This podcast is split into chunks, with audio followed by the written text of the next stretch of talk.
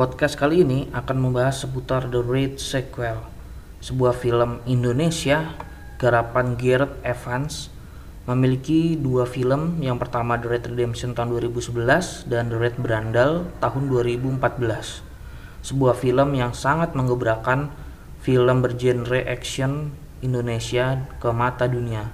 Seperti apa pembahasannya? Ikuti Gugus Podcast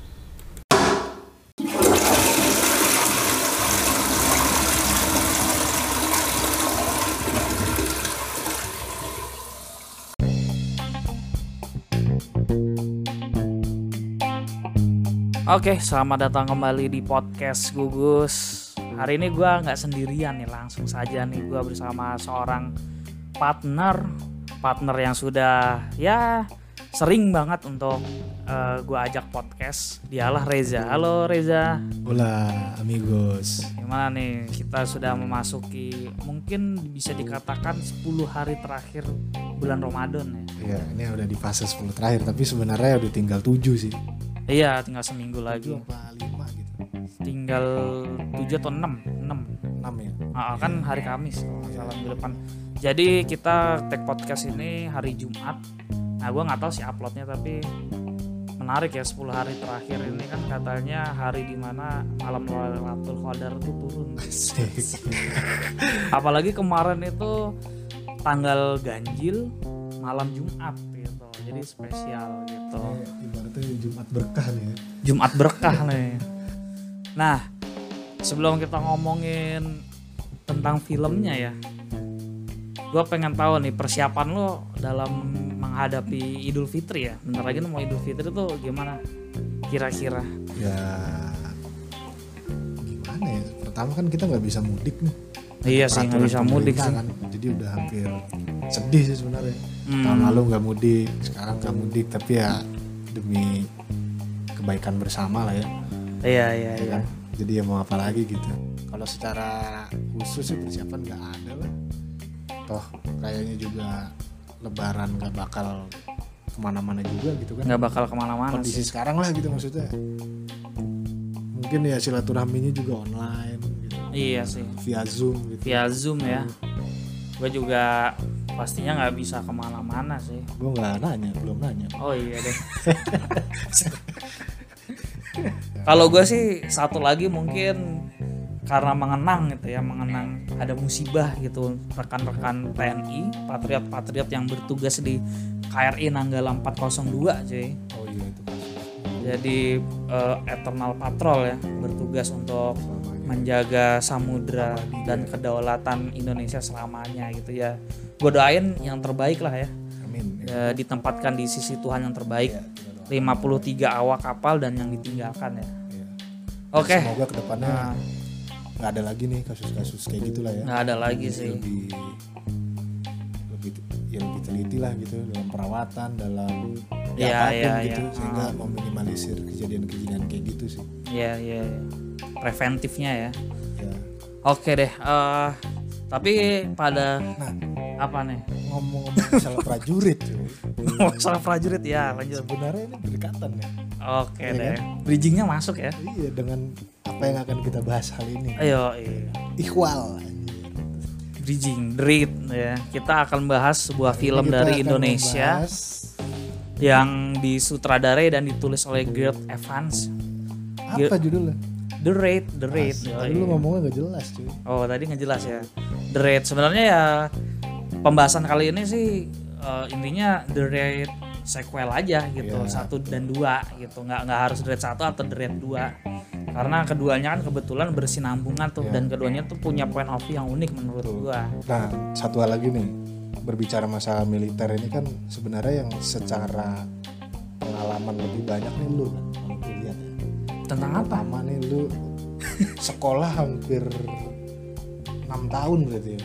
Maksudnya? enam tahun di lingkungan militer. SMP lu di dalam Halim.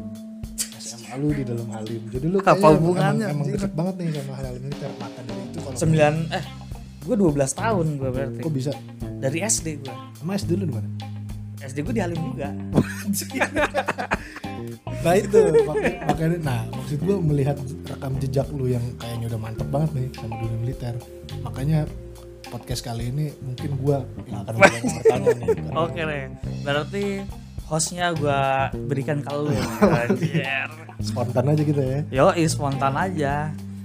Jadi kita akan bahas The Raid, The Raid 12 lah ya. Ini The Raid 12. direkturnya itu Gareth banyak eh, mensutradarai film-film action sebelumnya ya. Banyak sih. Tapi awalnya kan kita tahu menyutradarai merantau. Ya, Dulu Merantau. film tahun 2009 juga kan. Itu salah satu Di film Indonesia. yang ya gebrakan juga sih buat film Indonesia. buat gebrakan buat film Indonesia juga karena kebetulan kan itu film pencak silat action yang keren lah gitu Iya. ya setelah sekian lama tuh nggak nggak Ya, nongol setelah kita vakum film-film kesatria-kesatria Nusantara kan. Akhirnya muncul nih Ah. dengan format yang lebih modern kan. formatnya lebih kayak ya sosok tentara aja sosok polisi lah gitu sosok Enggak, Jagoannya yang tuh kalau berwajib si gitu. merantau bukan, dia warga biasa aja. oh iya ya kalau merantau yang oh iya kalau itu dia merantau masih ya kayak ya, perantau, dia perantau. Jadi secara cerita lebih modern, Hmm, lebih dekat dengan kehidupan sehari-hari gitu. hmm. Lebih banyak yang di highlight dan lebih ngena sih kalau menurut gua. Dia meng-highlight sesuatu yang ya itu didapatkan atau dirasakan Tap- seorang perantau. iya gitu. tapi merantau itu sampai The Raid itu punya satu highlight yaitu pencak silat sih menurut gua Ya itu instrumen pentingnya lah. Instrumen pentingnya. utama dalam Oh. film film-film Gareth Evans gitu ya. Hmm. Dan merantau itu kan yang awareness pencak silat pertama kali itu maksudnya Iya. memang seorang pendekar pencak silat gitu dari Bukit di Tinggi situ ya dari Sumatera Barat dari Sumatera ya. Barat gitu. Nah di situ dia cukup sukses cuy di film itu maksudnya cukup menjadi perbincangan gitu Ya ya ya. dan akhirnya berhasil mengorbitkan salah satu superstar Indonesia Iko saat ya ini. mungkin ya. ya betul Iko Uwais Sebenarnya Iko Uwais sama Mad Dog juga sih ya Yayan Mad Dog Ruhian. juga udah ada di situ tapi uh, belum sekuat ketika dia ada di The Raid sih secara Oh iya dan iya sih. secara Karena kan kebetulan Iko Uwais yang tokoh utama kan ya nah kita lanjut nih ke The Raid berarti cuy ke The Raid. The Raid atau judul aslinya itu Serbuan Maut Wah, gue sih lebih suka judul Indonesia ya serbuan maut ya. Ah, Tapi The itu Red seperti Redemption. yang waktu itu kita bahas sebelumnya nih di Hmm. eh, apa Di Spirited podcast Way. Spirit Nah, Way. bahwa kalau di Indonesia ketika sesuatu menjadi Inggris itu Hmm. menjadi keren ya nggak? Ah, ah, ah. Jadi apa-apa tuh Inggris lebih keren lah gitu. Ya Padahal setuju sih. kalau menurut gua Enggak juga. enggak juga cuy. ternyata dengan original title serbuan maut aja Serbuan Maut keren. udah ngasih tapi sebenarnya orang lebih familiar Raid ya daripada serbuan maut Iya. ya Kalau lu tanya, lu tahu Serbuan Maut nggak? Gue bilang sih nggak akan ada yang tahu. iya Jadi sebenarnya kita meremehkan nama-nama Nusantara nih. Padahal sekarang skena indie itu ya, yang lagi jadi raja itu Pamungkas namanya. Lu tau gak Pamungkas? tahu Iya. backbone tapi- apa to the bone yoi. tapi lagunya Inggris. Tapi namanya lokal sih. iya sih Pamungkas. ya. pamungkas ya harusnya t- kalau tambah Bambang unik kali ya Bambang Pamungkas Itu beda beda, Beda genre. sih. Itu zaman lu muda lah. oh iya Bambang Pamungkas. Oke kita balik lagi ke Dread nih Serbuan Maut tahun 2011 gitu ya. yes yes yes di situ ya kalau secara nama-nama mungkin udah mulai punya nama nih Iko Uwais sebelumnya pernah main gitu ya Hmm, dan hmm. Gareth Evans juga yang menggarap film itu Mad Dog Hmm. juga ada di situ gitu jadi orang itu punya ekspektasi tuh terhadap film ini gitu punya saat pertama ekspektasi saat pertama kali muncul gitu hmm. dan kalau nggak salah pertama kali muncul kan nggak di Indonesia kan ini film The Raid hmm, mungkin karena awal-awalnya tuh dari festival-festival betul, ya. di festival gitu kan Jadi tentunya, tapi memang seperti itu sih polanya. Bahkan yang di luar negeri juga sama. Jadi biasanya untuk kebutuhan festival dulu, baru komersil Iya, gitu. Karena apa? Dengan lu berhasil ikut festival, jadi kan biasanya buat buat iklan gitu loh. Ini nih udah ikut festival A B C D E gitu. Ya. Kalau The Red sendiri kan yang kita tahu yaitu udah berapa tuh banyak tuh di festival-festival misalkan kayak di Australia sendiri, di negaranya Gareth Evans sendiri, dan di itu banget ya. Toronto ya. dan lain sebagainya itu Palm Spring, nah dan, dan, itu lain reaksinya sangat sangat positif lah gitu Reaksinya sangat positif. Kalau kita nonton di YouTube tuh ya banyak Nah, lah ini maksud gue mau ke sana cuy Gimana tuh? bridging gue mau ke sana jadi lu pertama kali tau Dread itu dari mana Tahu The Raid? tahu The Raid itu karena gue udah ini sih gue udah eh bicara soal euforia gue udah ter ter Expose. euforia terekspos dari merantau jadi ketika nongol The Raid itu ya gue langsung nonton iklan aja gitu gue lupa sih karena tahun 2011 udah lama banget kan Iya, iya. waktu itu kan pas masa-masa kita kuliah ya Iya. kayak Gua gitu sudah kerja gua. Oh, lu udah kerja ya? Gua udah kerja. tuan lu dari gua Cuma gua masih anak-anak. oh, Gua kan si bapak-bapak muda. eh, bapak muda Dedi Sugar Sugar daddy. Sugar Dedi Oke, Iya, jadi, kayak jadi gitu. kalau lu gitu ya. Nah, Iya. gua gue dari merantau soalnya dari merantau itu terus banyak ini tuh bridging-bridging untuk next project gitu kan jadi sedikit berarti lu ngikutin posisi berarti lu Evans ya. posisinya nungguin memang. ya? nungguin Anjir. kan dua tahun sih 2009 Iya. sampai 2011 jadi setelah merantau itu beritanya tuh nggak lama kok bakal Betul ya, bikin bakal film lagi, film gitu. lagi gitu. tapi apa gitu belum tahu gitu Kalau gua tadi waktu lu bilang masalah YouTube ya. hmm. Jadi ini unik sebenarnya kalau secara ini nggak tahu marketing organik atau gimana gitu ya. Kalau lu ingat Rich Brian, Rich Brian Rich- kalau kalau Rich itu gue taunya Chiga di ya. YouTube malah Nah, jadi awalnya itu gua tahu Rich Chiga atau Rich Brian ini ketika dia viral gitu. viral di Nah, YouTube ketika orang-orang tuh ngomongin gitu. Iya. Nah, kan ada satu ada satu apa ya? Ada satu kebiasaan gitu kalau di Hmm. Indonesia yang dibilangnya over fraud kan, over fraud. Iya iya iya. Jadi Ini dari bangsa gue Oh nih, gitu. Nah itu setelah dia booming di YouTube itu kan komen banyak. Tapi memang sekalipun itu booming secara yang tadi tuh over fraud, memang secara konten juga bagus kan si Rich Brian memang keren gitu. Bagus, keren. Nah jadi gua terekspos justru dari omongan-omongan itu gitu. Hmm. Karena kan gua ya sekarang gua nonton TV jarang gitu kan. Jadi media Iya, iya. utama gua ya paling YouTube gitu. Ngeliat-liat YouTube. Jadi di tahun 2011 itu pun lu udah jarang nonton TV. udah jarang. Pokoknya semenjak gua kerja gua jarang nonton Itu TV. 10 tahun yang lalu ya. Yoi.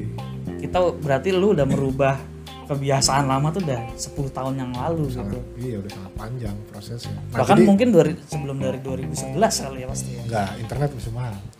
Nggak mungkin coy. Internet masih mahal cuy. Kayak SMA kita nggak main internet bareng aja. Itu udah mulai YouTubean kita. Tapi kan lu belum bisa mengakses dari HP. dengan dari gampang ya. Iya sih. Eh, lu harus warnet dulu. Jadi ketika lu nggak di warnet ya TV hiburan Oh, di iya sih. Masih TV-nya masih besar ya. Iya. Tapi TV gua kecil sih. Bohong banget. Jadi gitu. Jadi Ah. biar biar boleh terlalu jauh nih. Jadi gua tahu itu karena hype-nya di YouTube sih. Hype-nya di YouTube. Jadi lu bener-bener tahu The Raid itu dari YouTube. Malah dari YouTube. Jadi ya sama kayak makanya gue bilang eh, apakah itu organik atau gimana yang jelas ada reaction reaction gitu tau kan video-video reaction. Oh iya iya. Jadi ada orang yang anjir ini film keren banget gitu. Cuma dia ngasih potongan sedikit. Iya iya. itu yang iya. bikin gua kayak "Wah, anjir. Teaser-teaser gitu yang ngebuat kita jadi ngeh gitu kan. Ya, plus gua waktu itu masih cukup aktif kaskus kan, baca-baca kaskus. Oh iya sih. Nah, itu di review Dulu dampak kaskus. kaskus emang besar banget. Oh, dampak termasuk kaskus Raid. udah salah satu ya mainstream media gue juga tuh Yes, buat yes. nyari informasi terbaru gitu kan. Nah di situ juga di highlight dengan sangat booming gitu kan, Hmm. dengan sangat kuat gitu. Udah gue makin kayak anjir, Red tuh apaan ya? Hmm. Pas gue baca-baca, wah anjir keren nih. Dan ternyata orang-orangnya juga orang-orang lama gitu yang main si merantau. Merantau. Ya udah gue makin penasaran kan Hmm. dari situ polanya gitu. Tapi lu nonton Raid itu di mana? Hah? Nonton Raid. Ya biasa lah. Oh, Jalur petani gue. oh, jalur petani. Iya. Giliran ini loh, giliran apa namanya Avatar aja, jalur layar lebar. Itu kan beda pak. Oh, kondisinya berbeda. Iya, Filmnya juga film indie kan. Film ini. Tapi ada di bioskop kali. Dan kalau nggak salah banyak di cut-nya kalau di bioskop. Di bioskop, ah tapi enggak juga. Bioskop Indonesia. Gua lupa Yang ya. kedua aja kan itu banyak banget itu cut-nya. Yang kedua ya, Jadi lu ada nggak cuma kejam sih, doang, tapi kehilangan. tapi ada adegan yang esensi seni bela dirinya ya kan darah bisa banget ngelesnya ya. ya gitulah. Ah, lapar kayak gini nih puasa ya. Jadi ya gitu sih. Kalau gua sih nonton bioskop. Kalau yang terakhir rewatch lagi di Netflix. Ya itu juga akhirnya nonton di Netflix sih. Untuk membayar gitu membayar kesalahan gua gitu. Iya, iya. sekarang kita harus tapi kan dua-duanya Dread 2 lu nonton di mana? Bukannya lu bareng nonton bareng gua lu nonton bareng gua. Enggak The Raid 1 tuh gua nonton Oh, di nonton. kampus. Oh di kampus Dread downloadnya juga di kampus. Dread 2 The Raid 2 ya sama lu lah. Iya. Soalnya gue ingat banget bareng lu. 2014 tuh waktu itu ya. Gue udah kerja Itu juga. tuh. dahsyat sih. Dan polanya bersama gue tahu dari YouTube juga terus Hmm. Temen-temen gue akhirnya ngobrolin dan mereka tahu juga dari sama dari YouTube dari Hmm. Instagram dari ya media-media sosial gitu Ya ya ya. Oke. Nah, Nah, jadi gue jadi gua taunya bukan dari trailer cuy. bukan dari trailer, tapi dari reaction malahan. Untuk yang Dread pertama ya. Iya, kalau Dread kedua kan udah ada trailer tuh. kalau Dread kedua anggaplah Ah, promosinya udah promosinya lebih- jor-joran kan. Ah, lebih rapih lah gitu kan. Lu ada teaser, ada segala macem gitu. Hmm. Dan emang di Dread kedua trailernya gila sih. Keren banget. Emang keren banget sih. Gue kayak anjir keren banget. Iya ya oke oke oke. Fraud gue terbakar bro. Anjir. Oke. Kalau lu mau coba nih, lu misalkan iseng gitu ke teman lu, ah. lu tanya gitu, bro, lu tahu film Serbuan Maut gak? Gue yakin sih presentasinya bakal gede. Oke.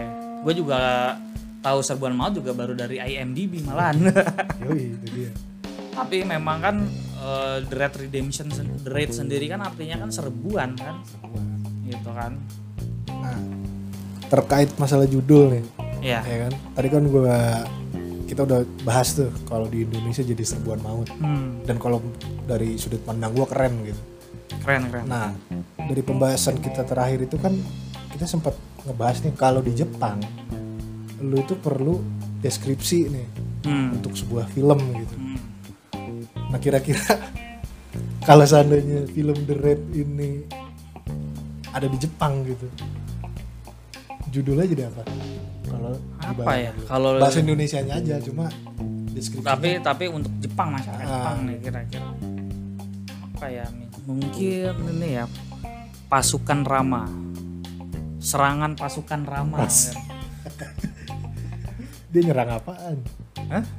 kan dia kan kayak menyerang pasukan pasukan anggaplah korup gitu apalah itu tuh dia kayak semacam mafia yang buat Itu- satu apartemen itu versi lu tuh? iya itu versi Kalau versi lu lu bakal bikin judul gitu. Oh iya serangan pasukan Rama Terus serbuan maut udah keren sih Serbuan Maut keren banget Iya. sih kalau menurut gue.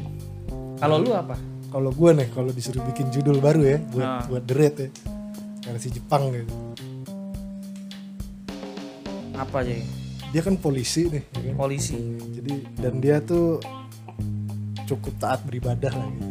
oh iya di awal-awal scene ya sholat dulu keren banget ya cocok nih sama bulan Ramadan ya. Yoi. Nilai-nilai keagamannya tinggi. Serangan kebenaran serangan kebenaran terhadap pemuda tersesat. ada nuansa coki muslim gitu, sama Habib Jafar. Ya, tapi gitu ya kalau kalau kalau ketika ditranslate menjadi Jepang tuh kayaknya judul tuh harus bener-bener serius gitu. Dipikirkan. Gitu judul harus benar-benar menggambarkan isi dalam ceritanya dan sih lu harus ya copywriting lu harus kuat gitu. Jadi nggak nggak nggak sekedar ya udah gitu. Hmm. tapi harus mikirin apa ya kira-kira yang unik gitu. Hmm. yang bakal punya stopping power gitu. Orang Iya, bakal iya, berhenti ketika ngelihat judulnya doang gitu. Hmm. Jadi kalau film The Red Redemption ya kebetulan kan gue juga baru rewatch. Filmnya yang pertama sama yang kedua ini buat gue pribadi sih beda gaya sih. Walaupun berkesinambungannya banget tapi beda gayanya jauh. Oh iya kalau The Red Redemption itu sebenarnya lebih ke film survival survival seorang polisi bernama Rama yang dibintangi Iko Uwais. Ya.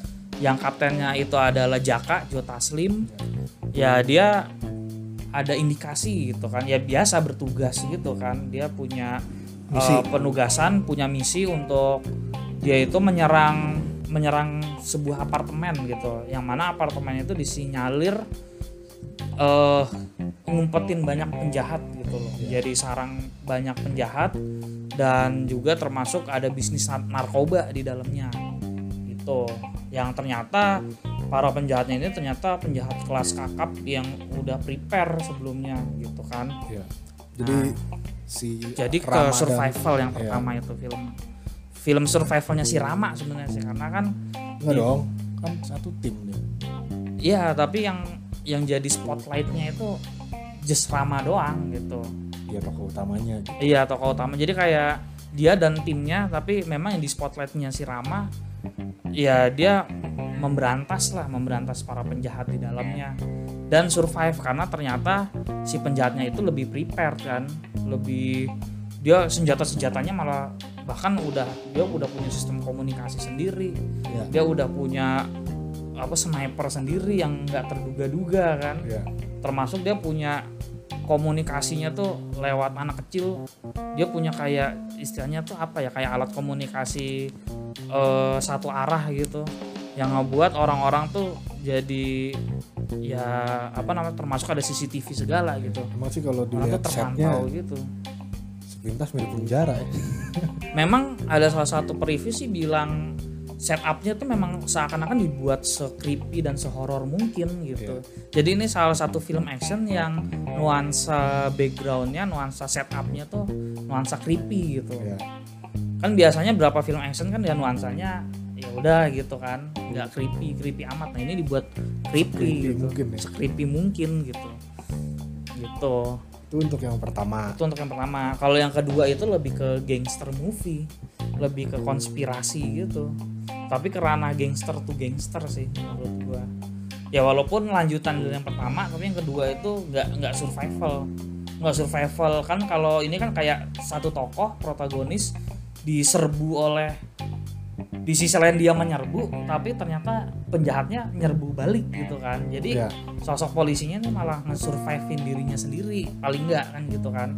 Tapi kalau Rama ini kayak yang kedua ini eh, dunianya si Rama nih lebih complicated lebih ke istilahnya ada konflik A konflik B Iya, konflik betul. C jadi Ya sekarang dari segi ya kayak film-film apa ya ya gangster film-film Iya. gangster ya soalnya dari segi produksinya aja jauh kan. Jauh, Produksi jauh, jauh. terus keterlibatan orang juga Hmm. jauh. Makanya memang secara apa? skala ceritanya juga ya beda Hmm. banget gitu. Benar-benar ada leverage-nya gitu. Levelnya gitu Iya, secara iya, iya, kompleksitas cerita gitu. kalau yang pertama itu lu tegang aja gitu Tegang. Gila, tegang Dari gitu awal kayak sampai akhir kayak lu- masuk wahana menegangkan di sebuah tempat. Kalau yang kedua tuh ya bener-bener konspiratif ya kayak sebuah cerita yang berbobot gitu. Iya. Dan Gitu sih. sangat Indonesia sekali ya Raid itu ya. Kenapa lu bilang gitu? Terutama yang pertama. Kenapa? Karena ya Ada orang dalam. bukan. Untuk kesuksesan tuh harus ada orang dalam. Ya itu itu Indonesia banget tuh. Iya. Karena memulai filmnya aja dengan doa. Wah dengan sholat lagi ya dari perwakilan agama mayoritas. Jadi Ini banget ya. Mungkin kalau kita ngeliatnya biasa gitu, tapi Hmm. kalau orang negara Orang luar kan unik banget ya gitu. ah, ini dia, ini sholat, sholat, Sholat dan jadi tokoh Rembo. Yoi. Indonesian Rembo di situ keren ya. Gitu lah. Jadi menurut gua cakep juga tuh colongan-colongan kayak gitunya. Iya, Dia memang banyak juga kan ngasih colongan-colongan. mungkin dialog-dialog ah, juga iya, sih. dialog-dialog. Dialog-dialog yang Indonesia banget gitu. kayak budaya-budaya Indonesia cuma kita nggak sadar tahu-tahu ada di situ Hmm. gitu kan banyak juga kan yang di kedua tuh ada reok Wah iya, itu keren muncul sih. sebentar gitu di pertama pun banyak cuy cuma lu nggak sadar aja Yang pertama kayak Detail- mungkin detail ada kecil itu. logat-logat Indonesia nah Timur, itu ya Indonesia kan Timur dan mimik wajahnya itu kan juga Ya, termasuk Itu kan senjata senjatanya. kan? Iya, senjata senjatanya. iya kan. iya betul Ini gua agak lupa ya nama-nama senjatanya apa tapi mandau mandau Oh iya Mando. Nah, itu yang di kedua tuh, yang di dread kedua kan di Banyak juga ya. di endingnya itu kan si Cecep ya. The apa namanya? Di assassin-nya kan dia pakai mandau tuh. Itu juga salah satu yang unik sih menurut gua. Mandau atau apa ya? Dia tuh bentuknya kayak pisau sabit kalau gitu. itu ini Bukan. karambit Oh karambit. Oh iya iya bener karambit karambit. Kalau Mando yang pertama ya mungkin ya. Karambit itu ya semenjak berit langsung naik banget tuh. iya iya iya keramit bener-bener Memang waktu itu waktu itu sampai ada reviewnya kan. oh iya ya Senjata ini bahaya banget nih. Hmm. Sangat efektif gitu, sangat efektif dan efisien. dan termasuk dipakai lagi di filmnya The Next Comes For Us yang makainya Hana Al Rashid tuh Oh iya iya iya sih. Iya ya, kan? pembunuh bayaran itu ya. pembunuh bayaran itu Siapa operator ya? bukan bukan The operator The operator itu Julia Estelle Oh, Julia Estelle. gue masih ingat Kalau Julia Robert ah itu film bule itu Bule. Hollywood Pretty Woman ya Nah, terus eh apalagi nih cuy dari sinopsis itu cuy yang yang menurut lo menarik ya? menarik gitu.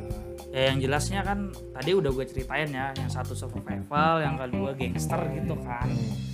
Jadi sih sebenarnya yang menarik itu yang pertama itu apa namanya walaupun mereka berdua tuh berbeda eh, gaya tapi kesinambungannya kuat kesinambungannya itu berada pada Benang seorang merah. polisi benang merahnya Iya. itu seorang polisi bernama Bunawar Emang di pertama udah ada Bu Nawar udah ada Bunawar tapi hanya ini doang hanya sebutan doang kayak kayak eh, sampai kan kan ada kayak flash disk atau sebuah lah kayak gitu Iya, kan. iya. disk hasil rekaman itu kan sampaikan ke orang bernama Bunawar di kedua tuh langsung dia si tokoh apa Iko Uwais-nya ketemu Bunawar yang asli. Si- nah benang merah yang nyambungin satu kedua tuh si bapak Bunawar itu.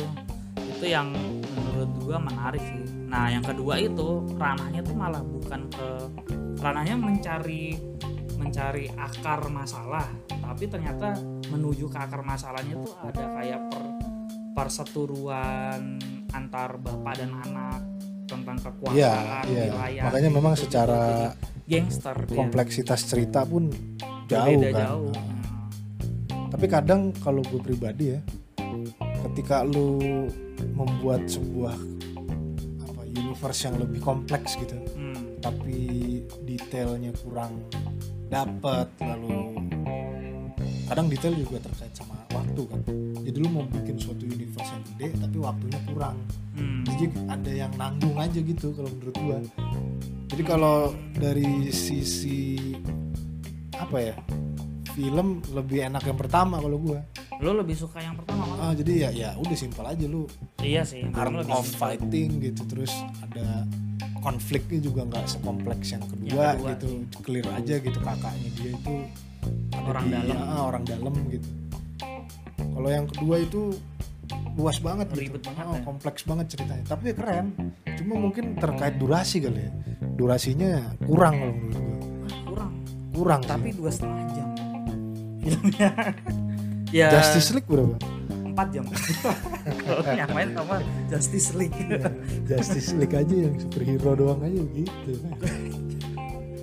Jadi ya kalau menurut gua sih karena memang karena yang kedua itu nggak solid apa ceritanya itu nggak padat gitu. iya jadi memang ceritanya tuh emang dibuat ru ruwet tapi kayaknya emang sengaja deh kayaknya sama Gareth Evans dia lagi pengen bikin film ala gangster karena sebenarnya The Raid 2 itu sudah direncanakan sebelum The Raid 1 tayang Iya, iya, iya. Dan gue sempat baca juga. tuh. koreografernya itu pokoknya tim The Raid 2 itu udah ada Iya, betul. Dan kalau nggak salah ada yang bilang karena cerita di yang kedua ini cukup kompleks kan dan secara support ya props segala macam juga kayaknya belum belum bisa nih belum memungkinkan untuk dibikin di Raid.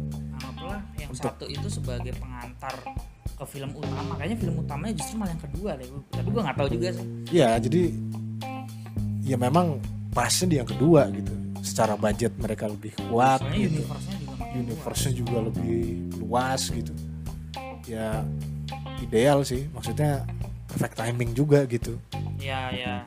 Tapi sebenarnya kalau lu lihat itu seperti lu nonton film John Wick. John Wick yang pertama itu solid banget. Itu cuman ya ya cuman pembalasan seorang assassin. iya betul betul Iya kan karena jadi mirip tuh ya komparasinya anjing mirip ya. Iya. Grade satu grade dua. Giliran yang udah kedua, ketiga tuh ya luas aja di universe gitu. universe diperlebar ya. Universe-nya diperlebar gitu. nah kalau menurut gua kerennya itu ketika universe-nya diperluas si Evan ini dia mengeksekusi semua detailnya dengan bagus gitu. Dengan bagus Oh, jadi- dengan unik.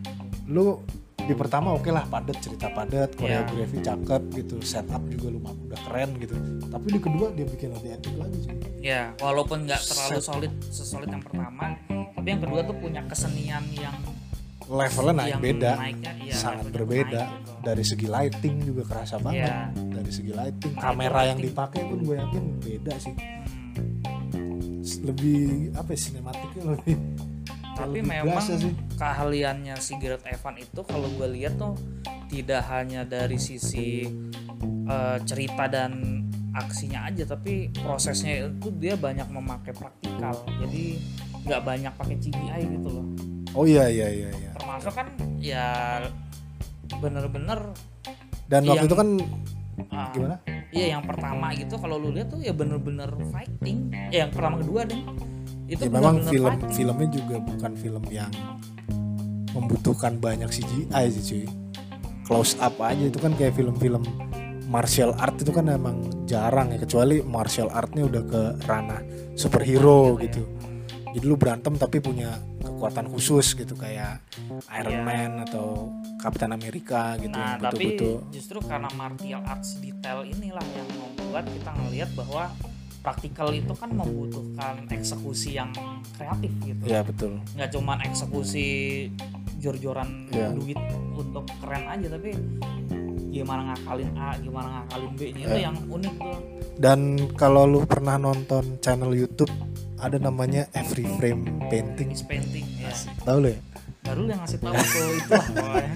jadi dia tuh sempat ngebahas genre film ya martial art lah gitu ya jadi di mana isinya orang berkelahi gitu Hmm. jadi kalau menurut dia eh, di film apa di sinema sinema sekarang nih perfilman modern ini kehilangan detail kalau lu main martial art gitu jadi kalau misalkan di compare sama film-film Jackie Chan, Jet Li dia itu ketika ada eh, apa adegan berkelahi gitu ya fighting Hmm. Kameranya tuh stay.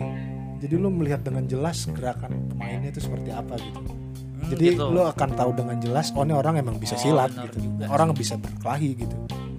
Punya kemampuan seni bela diri. nah kalau itu- misalkan dia mengcompare itu salah satunya dengan Marvel. Oh, jadi gitu, iya Marvel. jadi Marvel itu untuk menutupi kemampuan ber- bela diri, bela diri. Uh-uh, jadi banyak cutnya yang justru menghilangkan clarity-nya gitu. Jadi ketika orang mau nonjok pertama udah deket di cut sama Oh, dia. oh iya, tahu-tahu iya. udah ketonjok orangnya. Jadi memang. Karena di sisi lain untuk PG 13 atau semua oh sih, enggak sih. lu terlalu Marvel. lu terlalu mendefend Marvel lu terlalu mendefend Marvel. Loh, tapi memang benar. Dia tuh kan nggak ada, ada cipratan darah sih, nggak enggak ada. sih. Memang ya itu subjektif lah ya. Tapi kalau Iya, menurut si mas-mas every frame ini dia bilang gitu oh gitu tapi Nah, jadi film-film modern ini banyak kehilangan clarity-nya gitu ketika ada adegan berkelahi gitu. Padahal di situ penting banget gitu. Kalaupun ada cut biasanya kalau menurut dia gitu ya. Ketika Jackie Chan akan memukul, itu clarity-nya sangat-sangat jelas gitu dari tangannya sampai kuda-kuda sampai akhirnya mendekat Pukul. udah ke perut misalkan gitu. Nah, dia di cut-nya pas dari Ah, ah, bukan dia dari menjelang menyentuhnya. Jadi Menjelang kayak double impact gitu. Jadi ketika orang udah tahu wah ini bakal ketonjok bam pas ketonjok dibikin lebih dramatik gitu. Jadi lu dapat dua kali impact perkelahiannya gitu. Hmm. dan itu seninya berasa gitu. Nah kalau nah di The Raid sebenarnya kan flow kameranya fluid banget tuh kalau lu lihat. Si Iya, Evan bergerak-gerak. bergerak. Nah. dan gua ngeliat memang kameramennya tuh bener-bener semacam pakai stabilizer yang dipegang ke perut gitu loh Iya. yang ditempelin ke perut Betul. gitu. jadi rumit agak mungkin di sisi lain kelihatannya kayak apa ya jadi kameramennya tuh capek banget ya sangat sangat capek Capek dan banget. menurut gue ya satu sisi kalau si mas-mas every frame bilang lu butuh clarity nah si Evan ini mengcombine itu gitu. Lu tetap dapat clarity tapi lu tetap dapat fluidity-nya gitu pergerakannya. Jadi lu dapat clarity plus karena emang orang-orang yang terlibat di sini pakar-pakar seni bela diri gitu ya. Jadi lu nggak perlu meragukan lah gitu. Koreografi bagus pergerakan kamera juga fluid banget dinamis gitu. Lu jadi dapat dapat double damage kalau gua. Kalau Jadi lu dari Dia makanya kan banyak yang bilang anjir nih film brutal banget gitu Iya. kenapa brutal ya karena aktornya memang Tapi memang seorang itu seniman bela diri memang gitu seniman bela diri jadi bener. koreografinya bagus ketonjok juga kadang ketonjok beneran gitu Emang iya, tapi kalau gue lihat behind the scenes-nya, lu coba nonton behind the scenes-nya sama lu nonton filmnya, itu nggak jauh beda. Lu nonton behind the scene-nya pun terasa sakit. Karena Iya. emang mukul beneran. scene itu kan dosa kan behind itu belakang belakang dosa Belakang dosa. Belakang dosa tuh sakit gitu ya. getir banget tuh di belakang dosa Skene, skene. ya. the scene Nah, Iya. jadi gitu. Jadi bener-bener memang dari setupnya tuh mukulnya ya walaupun mungkin arah pukulannya itu udah dikasih bantal apa udah dikasih pengaman ya, kalau kalau di The Red sih gue yakin itu minim ya karena memang mereka untuk latihan koreonya itu emang intens sih. memang orang memang Dan orang-orang beneran sih memang ya. kalaupun bukan orang beneran sih. latihannya lama cuy. Kayak yang kedua nih si Pevita eh Pevita bukan Pevita Pierce. Abi mana? Siapa? Nggak. Julia Estelle. Bukan. Gue gua nonton Pevita Pierce yang di night apa Kampor As itu kan orang-orangnya sama tuh Yayan Ruhian juga gitu yang latih si Oh. orang-orang itu. Dia, dia bilang si gitu. Julian Estelle Ah, atau siapa? Julia Estelle, Pevita Pierce kan ada juga ya. Ah, tapi nggak ada. Oh itu iklan deh. Iklan lo menggabungkan itu mah iklannya itu ya yang game itu ya Iya, PUBG ya? iya. Karena PUBG atau FF itu ya? Ya, si Julia Estelle terus siapa yang satunya tuh yang Ranah siapa? Hana Al Rashid. Hana Al Rashid gitu. Dia cerita gitu. Anjir ini buat mempersiapkan satu satu scene ini gua persiapannya lama banget Iya, gitu emang sih. jatuh bangun sampai gua sampai harus diet segala macem gitu dan bener-bener ya bener-bener diulang berat ratusan kali buat satu scene jadi even bukan uh, seniman bela diri pun persiapannya gokil sih jadi Iya. memang ya karena faktanya juga The Bagus Red, banget. The Red itu pun dari cara megang senjata dan lain sebagainya belajar sama Kopassus Ya, Bela- itu ya. belajar sama tentara lah gitu. Ya ya. Dan Yayan Ruhian sendiri itu ternyata dia itu seorang ini dia itu seorang pelatih eh pas pampres. Anjir serius tuh iya keren banget kan. Pas pampres ya jadinya ya? Oh iya. Oh, Ya, iya. keren banget lah ya udah jelas lah ibaratnya. Nah, yang ngelatih koreo lu aja tuh orang yang latih pas pampres gitu ya udah nggak perlu dipertanyakan lah gitu Iya, memang termasuk kan si siapa Joe Taslim sendiri kan seorang atlet judo kalau nggak salah kan. ludo ludo Atlet judo mah kita. Iya. lanjut bulan puasa tuh ya ya gimana terus kemudian apa namanya koreonya bisa bagus dan dia itu semacam punya storyboard gitu kan. Oh iya, pasti. Setiap, setiap scenes, apalagi setiap scene action tuh dia punya semacam storyboard yang detail. Nah storyboardnya dia tuh bener-bener orang yang apa namanya pemain-pemainnya udah ditonjok-tonjokin duluan tapi di di tempat latihan gitu loh untuk arah jatuhnya dan lain sebagainya itu juga menurut gua si Gareth Evan detailnya di situ. Tuh. sangat sangat detail. Karena kalau enggak tapi kalau gua ngeliat tuh di banyak film action yang full CGI itu kebanyakan storyboardnya tuh kayak pakai 3D jadi dia menghadirkannya tuh 3D pakai storyboard. Oh ini jatuhnya ke mana tuh analisanya pakai 3D kalau ini pakai orang beneran yang direkam direkam lagi gitu loh. Iya iya iya. Dan dia kan syutingnya pun eh, live live edit kan kalau nggak salah. Jadi lo habis take satu scene nih dia langsung edit on the spot. Dia pengen Iya. lihat gitu oh ini udah oke belum nih kalau gue jadiin matang gitu. Nah itu gua belum tahu sih. Gue nonton di behind Oh, the gitu. scene jadi emang itu salah satu kerennya di situ ya. Ya salah satu kelebihan dia juga tuh. Dia bisa langsung editing on the spot gitu. Jadi hmm. udah dapet ya kan kayak sekarang lu ngedit film aja bisa pakai KineMaster sih di HP jadi emang nanti ke depannya mungkin editing pun ya bakal kayak dia gitu. Dan yang kerennya juga sih make up. Jadi dalam misalnya ditonjok nih biar dapat efek darahnya itu berarti harus ada make up Artis. karakter gitu kan. Iya make up karakter artis gitu kan. Nah itu live juga. Habis ditonjok nungguin berapa menit untuk make up terus berantem lagi make up lagi berantem lagi. Jadi secapek itu gitu. Ya, memang yang effortnya tinggi tuh nggak bohong lah ya. Yo, dan kalau di Dread 2 sih menjadi salah satu film pertama yang masuk top 250 IMDb itu. Iya. Karena gue sih nggak nggak aneh sih emang itu keren epic banget sih. Dan salah satu behind the scene itu kan yang membedakan dengan pertama itu dia bikin portable room kan. Jadi kalau lo ingat Oh, scene yang, yang di scene toilet ya. ya di scene toilet. Jadi kenapa lo bisa lihat anjir ini dinamis banget gitu. Hmm. ini juga bener-bener gokil gitu. Ternyata itu salah satu kuncinya gitu jadi kamar mandinya gerak jadi Kamar mandinya yang digerakin Maju, mundur. pakai tim belakang layar gitu. di ya. belakang layar jadi ya sekompleks itulah gitu Hmm. dan se naik level itu gitu Cara dari di sebelumnya dia si Garrett mengontrol cuaca yang panas menjadi cuaca mendung nggak pakai CGI juga tapi Iya. pakai plastik Iya, di atas penjara tuh. Iya. pakai plastik gede banget ditutupin. yang kayak kolosiumnya itu kan. Iya. Ya yang di kolosium. Itu gue juga nonton tuh. Jadi dia menghindari drop cahaya kan. Jadi kan iya kadang Cahaya matahari kan gitu, iya. ah, kadang kenceng kadang karena redup maunya kan mendung. Ya makanya dia bikin screen gede tuh nutupin satu tempat Iya, itu ya kalau makanya kalau film-film ya sebenarnya hampir semua film ya ketika lo melihat detailnya tuh lo semakin amazed gitu. Hmm, Anjir, ternyata seribet ini sekompleks itu gitu. Hmm. oke itu sebenarnya gue pengen nanya spesifik sih cuma nggak apa-apa lah tadi colongan gitu ya. Yo iya. nah ini langsung aja nih. Kalau menurut lo kesan menarik yang lo dapet setelah nonton The Raid satu dua itu apa kesan menarik yang gua dapat sih kalau yang pertama itu ya memang pencak silat keren itu ya memang dari dread pertama tuh udah ya memang dari merantau tapi kan dread itu lebih di upgrade gitu Iya, ya. sebuah kekerenan yang di upgrade evolusi lah ya. Ada evolusinya gitu.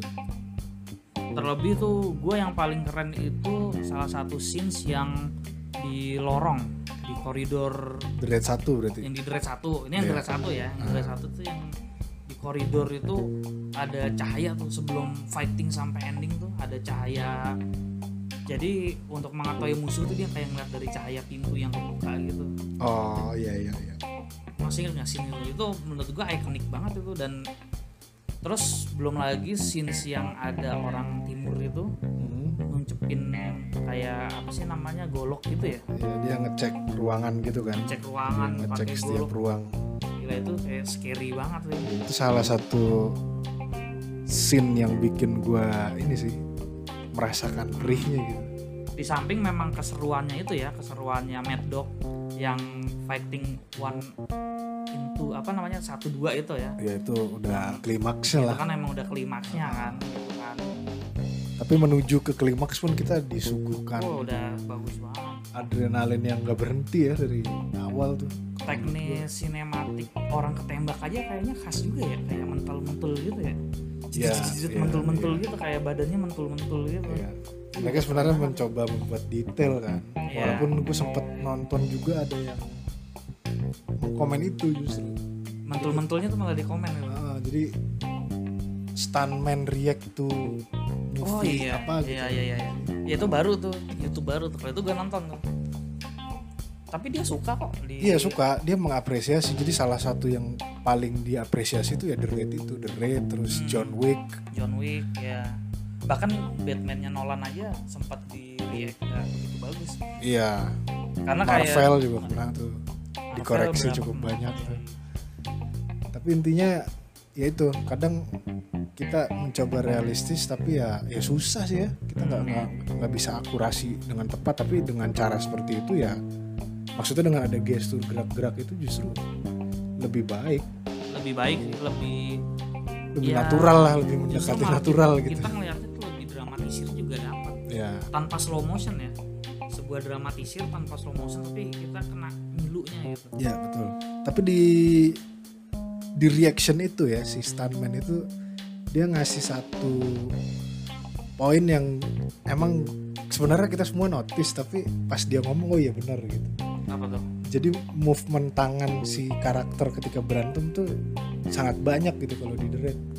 Jadi kayak oh iya iya benar lihat, ya dia banyak banget menggerakkan tangan gitu. Dan Tapi- itu iya.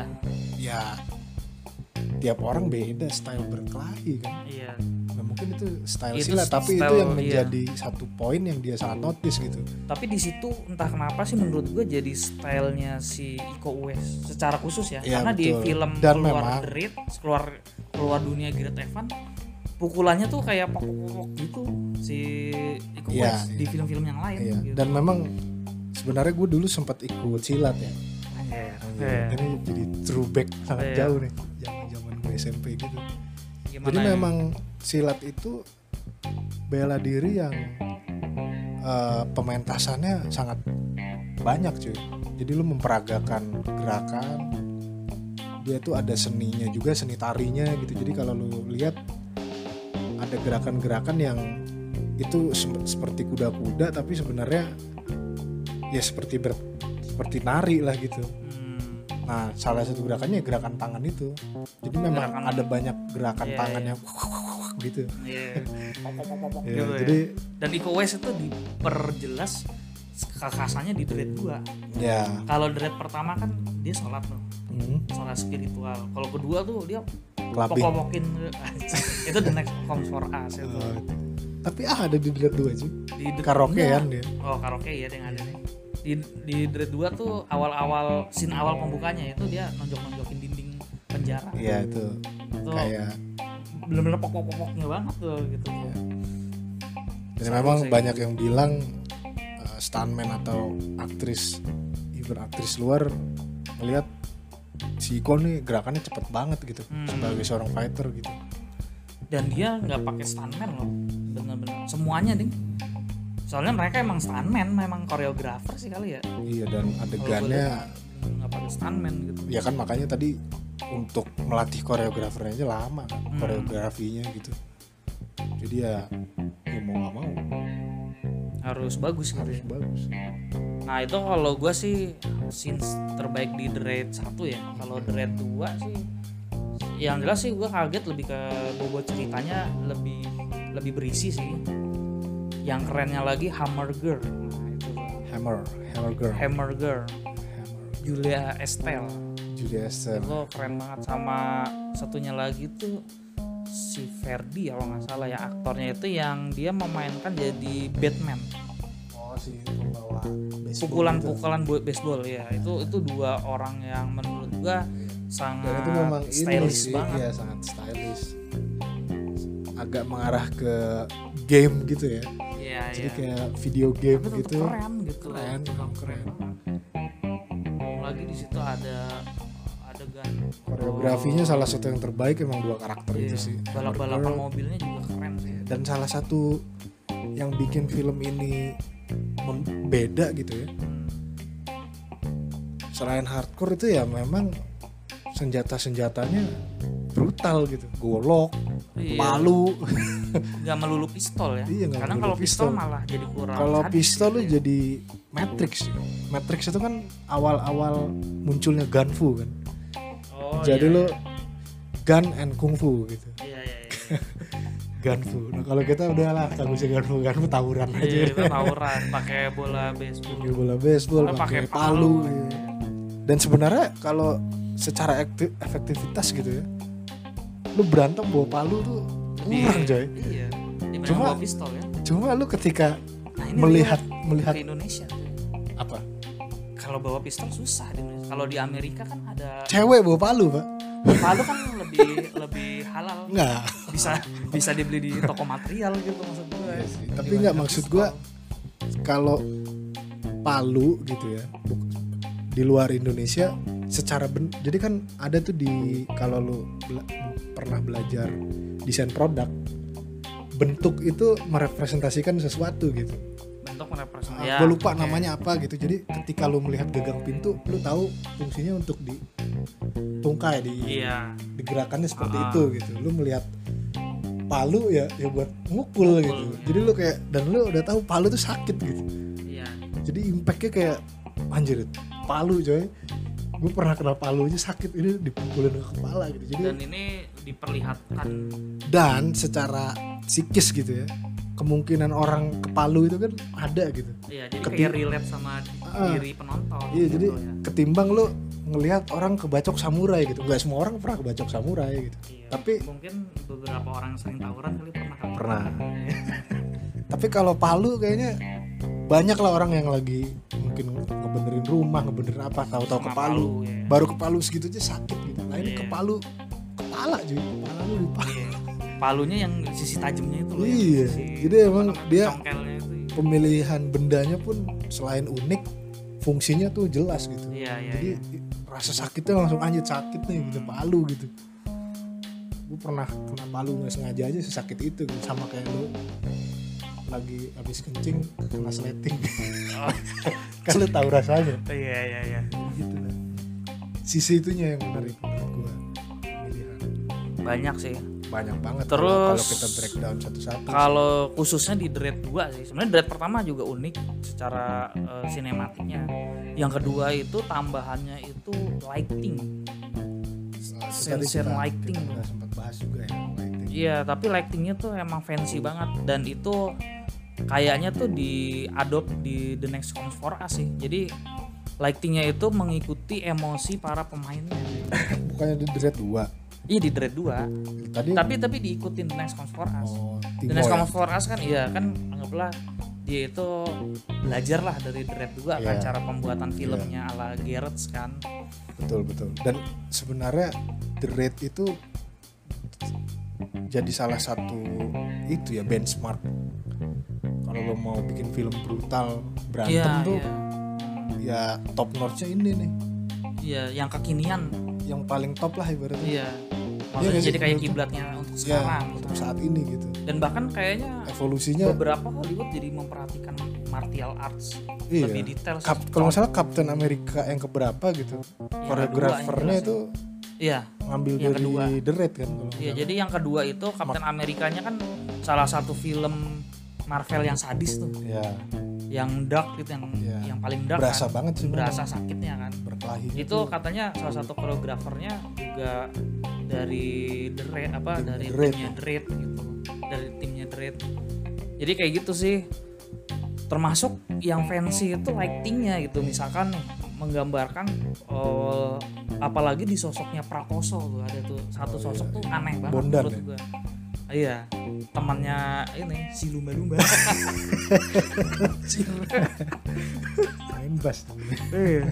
Prakoso itu sebenarnya yang memerankan sih Yayan Ruhian sih. Sebenarnya nggak perlu ada dia karena kan di Dread satu kan udah ada dan mati kan. Dan dia nongol lagi tuh Iya, sebagai itu- nah, itu- Prakoso tuh. gitu. susahnya di situ ya dia terlalu karena terlalu bagus ya Iya, dan matinya belum ada kan. belum ada penggantinya gitu dan gue yakin semua orang yang nonton The Raid 1 Notis bakal banget. notice banget Iya. muka si Mad Dog tuh kayak gimana gitu Tapi- mau lokasi Iya. topeng juga Tapi kemunculan Prakoso ini adalah kemunculan paling fancy gitu. Kemunculan paling artsy banget gitu. Mulai dari dia kemunculannya tuh ada lampu merah di belakangnya. ya itu kan menggambarkan mood juga kan menggambarkan mood gitu ya walaupun semua filmnya di Dread 2 itu terkhusus Dread Evan tuh mencampurkan antara setup lighting dengan mood para pemainnya Ya. dengan sangat si- simbolis ya kalau nggak salah ketika si mafianya ngomong pun itu beda kan soundnya iya so- Scoringnya. so- scoring scoring dan lightingnya termasuk lighting ya. setup setupnya yang jelas kalau merah itu berapa banyak tuh ada di berapa pihak tuh pihak-pihaknya si Bangun Tio Pasukadeo itu merah ya Nah itu identik merah, Iya. kayaknya merah side gitu. Itu, itu pendapat gue sih kalau gue salah, tapi gue yakin apa light lightingnya tuh. Bentar lagi lebaran, benar kan. Oh iya sih, suci lagi. iya Makanya kita bahas Raid ya. Gitu. Dan fansinya tuh dia kemunculannya dengan merah gitu kan. Terus di pertengahannya tuh ada dialog antara si Prakoso dengan istrinya. Ada jadi Iya, begitu iya. hasil kejahatannya dikasih sama istrinya gitu untuk untuk itu anaknya gitu colongan-colongan colongan-colongan si scenes The unik Raid gitu. ya dari Iya. The Raid 1 juga dia ngobrol sama abangnya gitu iya terus dia ketemu sama yang bapak-bapak yang nyelamatin dia itu kan ternyata oh yang sakit ya, istrinya itu ya. sakit jadi memang dari awal tuh udah mau ada modelan gitu gitu memunculkan Hmm. side story side tapi kalau tapi kalau si Prakoso ini fancy banget. Itu salah satu aktor paling favorit gue tuh. Termasuk kematiannya tiba-tiba itu ada salju. Salju. Iya. ada salju terus ada warung-warung. Ya kayak tukang somai atau tukang mie ayam gitu loh. Ya tukang mie ayam sih. Terus ada salju. Itu kan menggambarkan kayak hati gitu kan. Menggambarkan emosinya dia tuh udah udah mati lah gitu kan. Ya yang tadinya merah membara kemunculannya. Terus ada romantis romantisnya di tengahnya padahal gembel gitu kan. Ya nah terus endingnya gila. Terus ada ada simbolisme salju gitu. Aneh banget sih di film itu sih salah satu pembedanya itu banyak simbolisme simbolisme di The Red juga. 2 di Red 2 banyak yang nggak notice sih sebenarnya. Terus gue melihat di situ juga ada kritikan kritikannya sensitif tapi ya ya itulah gitu maksud gue film mengkritik film- siapa nih mengkritik eh, pihak berwajib polisi Jadi ada iya polisi. Jadi ada satu tokoh tuh yang diperankan si Roy Martin namanya Reza. iya iya itu, Itu dari Red 1 udah Dari muncul Red satu udah muncul itu. Dia tuh kayak semacam pokoknya polisi yang jabatannya tinggi. Yang justru dia tuh yang lebih berkuasa daripada para mafia. Jadi di atasnya para mafia itu si sosok Reza ini. Iya. Ngeri banget Reza. Jepang itu kan Yakuza kan itu berkomplot sama pemerintah cuy sebenarnya. Nah, ya Jadi gitu-gitu. kejahatan yang terorganisir Hmm. lebih baik sebenarnya kalau bisa sampai mengarah ke sana. Jadi kalau lu bisa mengorganisir sisi gelap nih itu akan lebih mudah ketimbang scattered kayak ya kayak Indonesia gitu. Terlalu banyak pemain gak ada satu kepala gitu. Jadi lu nggak Oh, bisa iya, merunut Ini dari secara mana real gitu. life gitu. Iya secara real life. Jadi sebenarnya kejahatan itu nggak mungkin hilang. Tapi kalau lu bisa mengorganisir itu lebih mudah dan lebih baik. Memang. Dan film itu digambarkan bagaimana si Reza So itu. tau banget gue. Anjir. Jadi di film The Raid 2 itu kan ada tiga gangster tuh, gangster besar tuh. Yang pertama gangster baik. Nah, gangster baik itu kan si Bangun. Eh, Bangun nggak baik juga kali. Tio Pasukadeo. Ya kan dia gangster. Dia tapi- lokal kenanya. apa? Gangster lokal. ya gangster lokal tapi paling baik dia paling sopan soalnya ada yang jahat yang jahat itu si Bejo namanya Iya. anjir Bejo temen gue semua itu Alex Abad nah Hamburger sama si Batman itu Suruhan si suruhannya Bejo. si Bejo sama si di asasinnya Iya, Cecep si itu kan Cecep. suruhannya si Bejo tuh yang dia tuh emang emang oportunis jahat lah gitu kan sama satunya lagi orang Jepang. Jepang orang Jepang si Goto kan Iya. gitu Goto itu diperankan Kenichi Endo nah itu juga tiga gangster itu tuh ya saling Iya. kuasa Dia menguasai lah dia jadi bos Yakuza juga di Crow Zero. Oh gitu ya Iya. nah itu gua nggak tahu Makanya kan epic banget tuh dia muncul di The Red 2. oh gitu pantesan ini banget ya kemunculannya kameranya tuh kayak yang Iya. Perlahan dia gitu. memang terkenal Yakuza. hmm, di film Salah satu karakter Gua Yakuza. Gua belum gue lupa sih Crow Zero pantesan ya dan memang sosok Goto ini sebenarnya masih disimpan untuk Raid 3 tapi ya proyeknya mungkin belum jalan ya sampai Iya. sekarang ya Corona sih ya. Tahu juga sih gitu banyak sih pembahasannya ya untuk bicara soal The Raid ini banyak banget hal-hal dari tadi kita banyak yang crossover cuy. Iya. Karena memang ya bagus-bagus ya. Tahu-tahu Iya, iya. Terkait dengan ini perlu penjelasan itu. Gitu.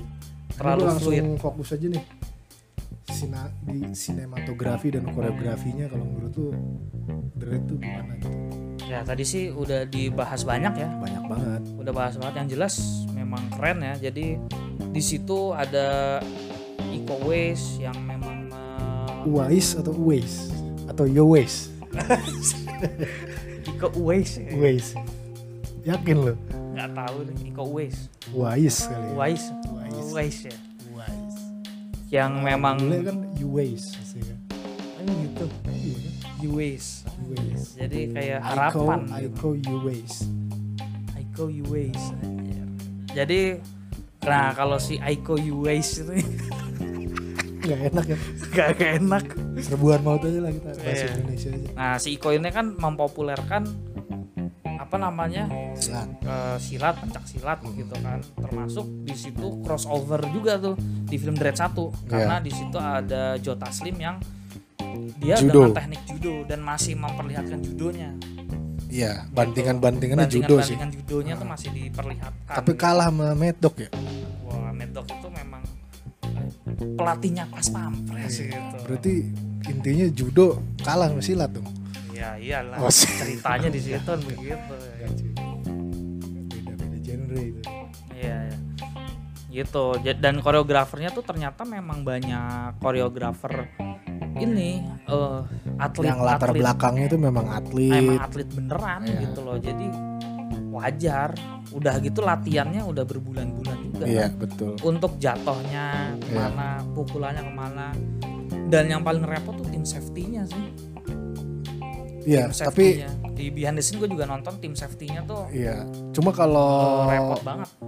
yang iya safety beberapa sih. Walaupun kalau lihat ya mereka profesionalnya udah kalau Jackie Chan kan banyak adegan yang dia lompat jatuh. Iya. Kalau ini kan nggak nggak sebanyak itu cuy. Nggak sebanyak itu tapi ada. Tapi hampir semua pemainnya itu bener-bener dipukul beneran lah. Iya itu kalau itu benar. Pok-poknya Iya. beneran gitu. Pasti ada itu. Hmm. Lebam-lebam asli. Iya lebam-lebam asli tuh ada emang emang kelihatan banget sakitnya gitu. Cuma kalau lu lihat ya ini gua colongan aja nih. Yo iya di The Raid 2 itu yang di scene dia berantem di kitchen tuh di dapur. Wah itu itu juga fakta kan unik. ada adegan yang si cecepnya tuh didorong dari ruang wine itu ya didorong wah iya tuh ruang kaca. Ah, nah kalau lu lihat detail tangan si cecep itu kan panjang itu lengan panjang hmm. dia kayak udah mau megang ujungnya jadi kayak tahu bakal jatuh di benda tajam gitu oh gitu ya gua nggak tahu detailnya tuh oh itu gitu gua, ya ya? gua gua kan nonton berkali-kali kan adegan-adegan berantem di dapur itu kan jadi gua agak beberapa notice gitu kayak nah yang di part itu ketika dia jatuh tangan dia tuh udah dipersiapkan mendarat dengan memegang lengan panjangnya itu biar nggak terlalu sakit. Iya jadi gua nggak tahu apa itu dia salah jatuh atau emang profesional banget gitu kalau lu berantem asli dan jago akan seperti itu Hmm. tapi gua jadi notisnya ke situ Iya, malah ke sana gitu. Persiapannya Iya. gitu Oh, kok dia jadi kayak memperlihatkan bakal jatuh di kaca gitu. Di part itu sih. Hmm. Padahal eh, di apa namanya di fight kids-nya itu itu tuh sampai 8 hari. Iya. Gambarnya, cuy. Itu salah satu pengambilan gambar terlama karena kan memang di film itu ceritanya bos levelnya itu kan si Iya. Cecep kan. Cecep. Itu udah raja terakhir itu. Nah, raja terakhirnya Buat Cecep kan berantem- di berantem. kedua kan. Walaupun raja terakhirnya si siapa si U- si Bejo kan, tapi kan Bejo kan cuma tembak-tembak gitu Iya. doang kan. Bejo bersih-bersih lah. Iya, cuman ngomong-ngomong gitu Iya. doang kan. Karena emang yang paling jahat itu tangannya paling bersih sih. Hmm, bener juga sih. Nah itu juga salah satu kritik sosial unik ya. Iya. Kadang tuh yang yang paling baik itu malah yang paling yang paling santun dalam Iya. ngomong ya. Itu malah bos terakhir tuh, the real bos terakhir ya. Gitu, tapi ya gitulah. Jadi banyak banget sih yang Banyak banget kalau dari koreografi dan diambil ya. Dan ya itu eh, bagaimana memperkenalkan bela diri silat gitu dengan Hmm, film gitu. Memang ini ke pertanyaan eh, lanjut ke pertanyaan selanjutnya sebenarnya. Jadi setelah The Raid ini popularitas silat tuh nggak bisa dipungkiri langsung naik cuy. langsung naik sih. Sangat sangat naik. Hmm. Jadi kalau search iseng gitu di Google gitu silat gitu Hmm. ketik itu yang keluar banyak banget. Bahkan salah satunya yang terhighlight si Cecep tadi tuh. Kita tahu ternyata Cecep itu pelatih silat di luar negeri lah ya. Iya dia banyak bikin seminar gitu sih. bikin seminar, seminar, ya terus bikin, bikin praktek pelatihan-pelatihan. silat gitu silat kan juga silat. gitu.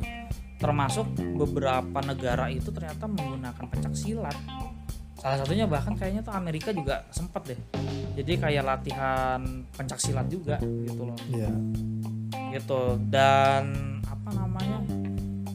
Eh bahkan silat sendiri bahkan nama Rama sendiri. Rama di Dread kan namanya Rama kan? Amar. Kalau dibalik. Amer Amer. Rama. Nah Rama itu sebenarnya dia mengambil karakter pencetus pencak silat yang menyelamatkan perempuan di eh, Kairo. Jadi seorang pendekar pencak silat yang di Arab, eh di Mesir. Kairo ya di Mesir. Jadi menginspiring para kaum wanita untuk belajar bela diri pencak silat di Kairo sehingga di Kairo itu sendiri ya menjadi salah satu pelajaran pencak silat itu menjadi salah satu pelajaran. Itu Sejauh sebenarnya itu ada, ya. ada sejarahnya gitu loh. Iya, iya. Jadi unik sekali gitu atas nama eh, Rama itu sendiri. Ya memang dengan apa berhasilnya The Raid ini kebudayaan Indonesia sangat terangkat Iya. sih Oh ya ini gue baca nih namanya Rama Sukana. Jadi Itu di- pencetusnya. di Arab di Mesir itu ya di Mesir ya. dan memang orang Sumatera ya memang khas dari Sumatera gitu pencak silat Iya. bela dirinya banyak sih Hmm, maksudnya eh, aliran-aliran pencak silat kita pun ada banyak gitu. Ada dari Sumatera dari Jawa. Termasuk kan iya termasuk kan pencak silat itu juga nggak hanya teknik berantem teknik kuda-kuda tapi juga penggunaan alat yang alatnya juga unik gitu Iya. penggunaan alatnya gitu ya. Betul. Ya termasuk kungfu pun juga ada penggunaan alat ya. Iya. Ya kalau misalkan si Bruce Lee kan dengan double sticknya itu kan. Ya misalnya contohnya dengan walaupun double stick. bukan itu bukan alat bukan alat Shaolin. kungfu bukan bukan alat itu Shaolin. bikinan dia jadi kalau kungfu itu yang terkenal ya tombak-tombaknya. Iya tombak gitu ya. Terus tongkat gitu. tongkat-tongkatnya gitu. Hmm. golok-golok golok tongkat gitu. Ta- tapi kalau kita memang langsung unik tuh. Yang langsung dipakai si karambit itu. Iya karambit yang pisau muter itu ya. Pisau kecil itu Iya, ya, itu keren banget diselipin. sih. dan Hmm, waktu itu sempat ada praktisioner bela diri juga ngebahas tentang karambit itu. karambit gitu. Jadi memang kalau untuk perkelahian jarak dekat itu salah satu senjata yang sangat berbahaya sih selain karena bisa disembunyiin gitu dan damage-nya gede banget bentuknya kan melengkung tuh jadi kalau lu sampai dia bener-bener nyangkut di salah satu badan lu wah sobekannya ngeri sih Oh iya sih. Soalnya ini sih ya bentuknya tuh nggak satu sisi gitu. Bentuknya kayak melingkar kan berarti selingkar itu tajam gitu kan. iya Gitu sih. Kalau misalkan ngomongin fakta-fakta menarik juga banyak sih tentang setup setup. Apalagi kalau dari dread pertama itu yang gua tahu ini apa namanya bahwa bangunan-bangunannya itu sebenarnya kan itu bangunannya 30 bangunan kan 30 lantai. Sebenarnya cuma 14 lantai doang. Iya. Sebenarnya itu ya biasalah apa sih namanya ya magicnya kameramen lah or, eh, sinematografi ya. Jadi eh, 15 lantai dibuat seakan-akan seperti 30 lantai gitu. Kemudian kalau apa namanya oh, banting-bantingan mobil kan sempat tuh di dread juga tuh ada banting-bantingan mobil. Tabrak-tabrakan tabrak-tabrakan mobil lah gitu ya. kan. Itu sebenarnya ya mobilnya ada seorang praktisioner kayaknya dari Korea ya kalau gua nggak dari ya. Cina. Dari Cina ya? Iya, jadi dari Dia Hong Kong pakai- mobil-mobil ya dia bisa memainkan mobil biar jatuhnya nggak terlalu mahal gitu ya. Iya jadi cheatingnya itu mereka itu bawa tim yang bisa bikin body mobil sendiri. Iya bi- bikin bi- bodi mobil sendiri jadi lo tinggal murah gitu lebih sederhana gitu ya. Ah, jadi lu tinggal pilih nih lo mau mau mau casing apa mau gitu casing apa mau bentuk Mercy mau bentuk BMW dia bisa bikin gitu. Dan dengan timnya itu cepat banget jadi kalau misalkan lo habis ditabrak penyok langsung dibenerin lagi dalam Iya. waktu singkat gitu. Ya Jadi- made in China lah lu tahu lah Ya, cepat ya, banget kan. ya. selalu bisa. Oh, iya, selalu. selalu bisa apa pun. Dan murah gitu. Iya. Hebatnya gitu. Dan ya gitu deh eh menarik sih. Kalau banyak banget termasuk apa ya point of view itu di blok M ya kalau nggak salah. Oh yang di blok M keren banget tuh. Yang di ada rumah makan restoran Cina. Ya. masuk ke blok M. Ya itu salah satu. Dan itu dia harus syuting di blok M itu dia harus ngetop iya Lalu harus lintas. segala tuh. Blok M selama berapa jam gitu. Dan Hmm. itu biayanya gede banget sih. Jadi mengalihkan satu jalan gitu. Mm. Terus Dipakai koordinasinya sama syuting. polisi segala gitu ya? Yoi. Polisi ormas. Iya sih bener nih bener bener bener. Kalau enggak ya bisa dibantai gitu ya. Bisa bisa. Bisa dimarahin maksudnya. direcokin gitu. Direcokin. Di Indonesia kan gitu. Kalau lo nggak bayar direcokin ya bener juga sih. Di mana pun juga sama sih kayaknya. Ya seperti itu. Tapi memang eh, banyak banget sih eh, Banyak behind the banget, scenes banyak yang menarik. Pun ceritanya sih menarik sih ceritanya walaupun ceritanya sih menurut gua kalau Dread 2 Dread pertama Dread 2 ya klise sih. Kalau lo lebih suka mana sih Dread 1 apa Dread 2 Iya. kalau gua sih lebih suka mungkin Dread 2 gua gua lebih 2 suka ya? Dread 2 Iya, sama sih gue juga Dread sih. tadi awalnya Dread 1 Enggak, kalau Dread 1 simple aja. Cuma karena dia leverage-nya bagus gitu, leverage detail-detailnya hmm. berhasil gitu. jadi lu suka Walaupun Dread secara 2 cerita dia lebih kompleks, cuma ada detail-detail yang kayaknya tanggung gitu karena Hmm. durasinya kurang. Tapi karena dengan itu detail-detail dan effort yang ambisius gitu, itu banget sih. Dan gue puas gitu, ya, anjir ini baru berantem gitu. iya. Kalau karakter cuy, karakter yang itu paling lu suka siapa? Prakoso gua. Prakoso lu ya. maksudnya The Red 1 dan Red 2 digabungin gua tetap suka Prakoso Kalau gue suka si siapa tuh yang musuh pertamanya? Di The Raid 1 Mad Dog. Bukan bosnya. Oh bosnya ya. Namanya siapa sih? Ah, Aduh. kita cari ya kok gue malah lupa. Sama, tapi emang keren banget sih mas Itu- Ray si Tama namanya. Nah, itu menurut gue paling ker paling ngeri cuy. Secara ini ya emosional ya. Tuh, secara keren sih emang. secara penjahat dia kayak udah gitu makan Indomie. Makan mie goreng. Itu dia. Makan mie goreng Sepenjahat- sambil sepenjahatnya Indomie sambil doang. mau membunuh iya. orang dengan itu iya bener tuh. Itu Indomie epic sih. Iya. Epic banget sih. Jadi Indomie itu semua level ya. Sam- dari yang tinggi sampai yang dari yang putih sampai yang hitam. Dari yang baik sampai yang jahat. fresh grade sampai profesional killer gitu. Ya killer tuh ya. nah gitu deh pokoknya ada apa lagi nih kira-kira yang bisa dibahas nih? Banyak banget sih kayaknya udah dipretelin satu-satu ya. Sebenarnya banyak banget. Ya tentang kalau pelajaran nih yang bisa lo ambil nih. Grade satu apa grade 2 apa? Pelajaran dari si siapa nih? Ya eh, ada nggak sih pelajaran buat lo gitu? Apa ya kalau pelajaran? Ya itu sih lo harus solid aja sih sama teman-teman lu sih. Harus solid. Iya sampai terakhir gitu. Termasuk sama keluarga lu kali ya? Ya sama keluarga karena sama di film. Dread 2 kan anaknya nggak solid sama Iya, bapaknya. poinnya kan sama keluarga kan. Dari satu dan dua tuh. Dari masalah iya keluarga melebar gitu. Hmm. makanya di Dread 1 pun si Rama udah gelisah waktu mau nyergap apartemen itu karena dia tahu. Oh iya iya. Di situ tuh ada kakaknya gitu. Di kedua pun sama benang merahnya masalah keluarga jadi dengan tapi kan kalau yang pertama tuh keluarganya anggaplah baik lah tapi beda jalur ya. tapi kalau yang kedua ini jalurnya sama. Tapi entah kenapa berbeda berbeda kepentingan gitu. Iya. Sehingga saling malah membunuh si anaknya membunuh bang si ucok ya membunuh bangun gitu ya kan? Emang problematikanya deket banget gitu. Ya kalau gitu. quotes cuy ada quotes yang paling lu inget gak? Quote? Wah gue lupa sih. Oh ini kalau gue yang grade pertama. Karena pas anjir. Sama keren sih. gue Iya. juga baru mau itu. Seragam lu kenapa pakai seragam karena pas udah pas gitu ya. Udah pas gitu kan. Itu menarik banget gitu maksudnya.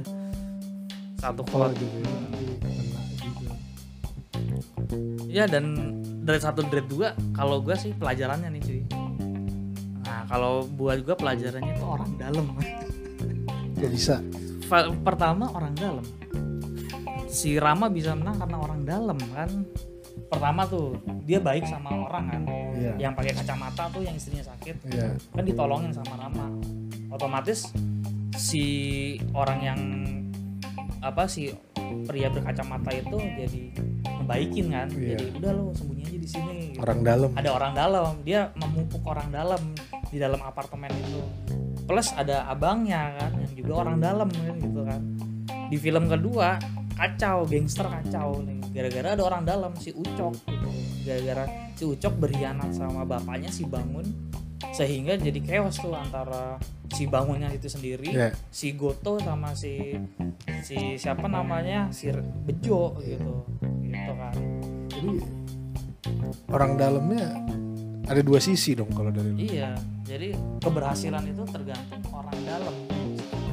Itu, Tapi kan selalu di orang dalam. The 2 berantakan karena ada orang dalam. Tapi kan penjahatnya bukan si Bangun. Bangun tuh kayak cuman orang jahat yang baik aja. Yang jahat itu si Bejo. Bejo gitu. Bejo itu berhasil untuk meluntuhkan dinasti si Bangun gara-gara dia ngedekatin si Uco gitu.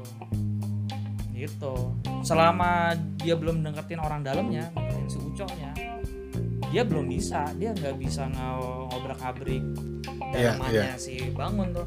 Termasuk si Rama, si Rama menyamar jadi sahabatnya Uco gitu. Sehingga dia bisa istilahnya memberikan laporan lah kepada polisi gitu intinya itu semua orang dalam gitu.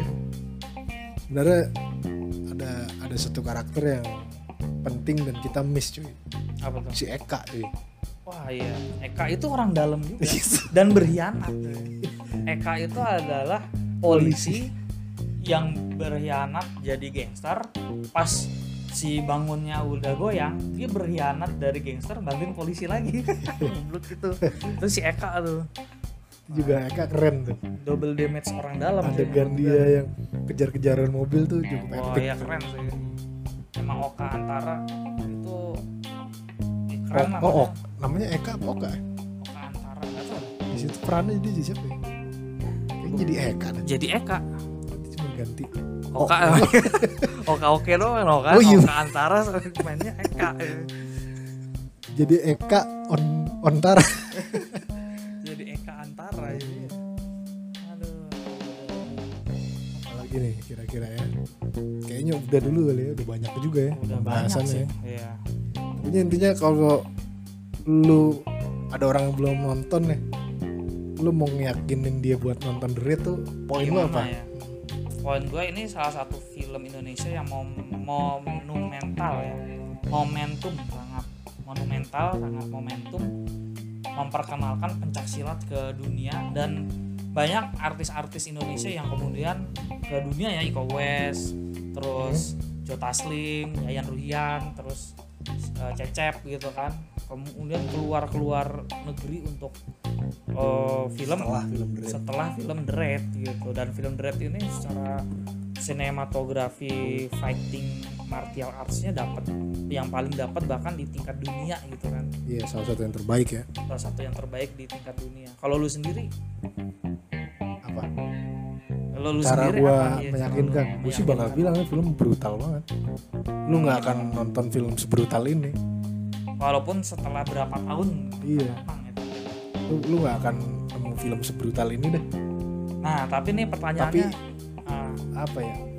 Brutal tapi indah gitu, beauty. ya ya brutal tapi indah tapi indahnya beda sama stylenya Jackie Chan Beda, ya kan dia punya stylenya Gareth Evans sendiri lah punya style sendiri. Maksudnya kalau lu nonton Ong Bak gitu kan, ada juga kan Tony Jaa tuh. oh iya Dia kan koreografinya bagus juga tuh, unik atau gitu. Ip Man Atau Ip, Ip Man gitu kan, Ip Man, Dunyan Dunyan.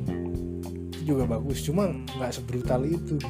iya iya iya treatmentnya nggak sebrutal Raid ya Pokoknya lu nyari yang pertarungan jarak dekat, brutal, terus flow-nya dinamis banget. Nah ini lu bisa tonton Raid. yes nah terus sih kalau kalau apa namanya iya se- selain selain brutal juga ada beberapa poin kalau yang pertama itu tipikalnya udah lu ikut aja nontonnya tegang-tegangan aja. Kalau yang kedua harus lebih fokus sih. Ya ada poin itunya. Ada poin lu harus lebih sebenarnya lu nggak perlu fokus pun lu bakal dapat ceritanya enak gampang. Tapi kalau kalau lu lebih fokus lu bakal dapat detail-detail yang yang lebih. Heeh. tapi kan soalnya tentang konspirasi-konspirasi gitu sih. Ya memang secara apa atensi lu harus lebih lebih perhatian gitu lebih loh. ya lebih fokus gitu. Sama ini nih terakhir nih. Dari gua lu lebih milih The apa The Next Comes For Us Dread lah. Oh gitu ya? Iya. Kalau gua soalnya lebih The Next Comes For Us kenapa tuh? Tapi gue punya statement gini. Karena The Next Comes For Us itu emang harus lebih baik dari The Raid karena dia kan secara tahun produksinya kan emang setelah The Raid kan. Iya. Jadi itu kayak dia belajar dari prosesnya The Raid gitu. Iya. jadi dan dia lebih brutal sih memang. hal-hal yang di upgrade gitu loh. Brutalitinya ya Timo juga sih ya. Iya. Dan Timo itu kan mungkin gua salah ya. Mungkin kayaknya tuh dulu dia emang belajar sama Gareth Evan langsung. Ya kayaknya Astrada gitu. masih lingkupan Indonesia juga kali ya. Maksudnya? Ya sineas sineas nongkrong bareng lah. Iya, tapi emang di statement itu emang dia emang belajar dari Greta oh memang langsung Emang, gitu. Jadi as astradanya gitu. Iya, semacam ya bantuin lah ikut belajar gitu. Oke, itu yang terakhir dari lu ya? Iya, ini gue juga punya yang terakhir cuy iya iya. dari tadi kan kita suka semua isinya ya? Nah, kalau yang nggak sukanya ada nggak dari film ini? The Raid yang lu nggak suka gitu? Gue bingung juga ya nggak sukanya apa ya. Mungkin nggak sukanya itu karena filmnya tuh dari Raid satu deh dari Dread satu ya. iya Dread satu justru gue juga suka semua sih. ya gitu Oh iya, gue nggak sukanya karena ada berapa banyak poin yang nggak relate sama keadaan asli Indonesia aja sih. oh Banyak yang relate, apa banyak colongan yang relate, tapi main course-nya tuh malah iya nggak terlalu relate menurut gue. itu The Raid satu ya Dari satu dan dua, oh satu kayaknya gangster-gangsternya juga nggak se-fancy itu deh. Gitu. iya sih Tapi ya kalau nggak bikin film kayak gini ya nggak ada dong kalau harus ada. harus relate kan. Karena kan lu men- menanyakan kurangnya kan. Nah, mungkin kurangnya di situ sih. berarti sisanya ya tapi memang untuk ukuran film Indonesia perfect sih perfect. Ya tapi nggak bisa lu jadikan istilahnya studi kebudayaan nggak gitu. bisa. Buat orang luar kenal Indonesia nggak nggak terlalu bisa gitu. Kalau gua ya kurangnya gitu. Karena lu native speaker gitu. Hmm. kadang tuh di derit di derit satu tuh ada ekspresi-ekspresi atau dialog yang kalau lu ngomong nggak nggak akan segitunya gitu. Maksudnya? Kalau natural gitu. Lu mau mencoba menggangsterkan tapi oh sih gitu nggak nggak gitu sebenarnya Hmm. ada di beberapa part gitu kalau Hmm. gua ngerasa gitu yang di dua pun sama terutama si siapa tuh yang jadi si Ucok oh iya jadi oh, ada ya itulah kalau kalau orang bule Arifin ya? atau orang ya Arifin Putra Arifin Putra gitu kalau misalkan orang luar nonton mungkin anjir ini gangster banget nih gitu. Hmm. tapi karena lu native jadi lu kayak seakan melihat- sedikit dibuat-buat. ah jadi dari segi intonasi dari segi selengean gitu. Kadang ya naik turun sih kadang dia emang terlihat agak gangster gitu. Kadang wah kayaknya nggak habis gitu deh kayaknya agak lebay gitu. Gitu ya? Kalau gua rasanya Hmm. gitu. Oke mungkin sampai di sini dulu ya udah hampir mau satu setengah jam lebih ya.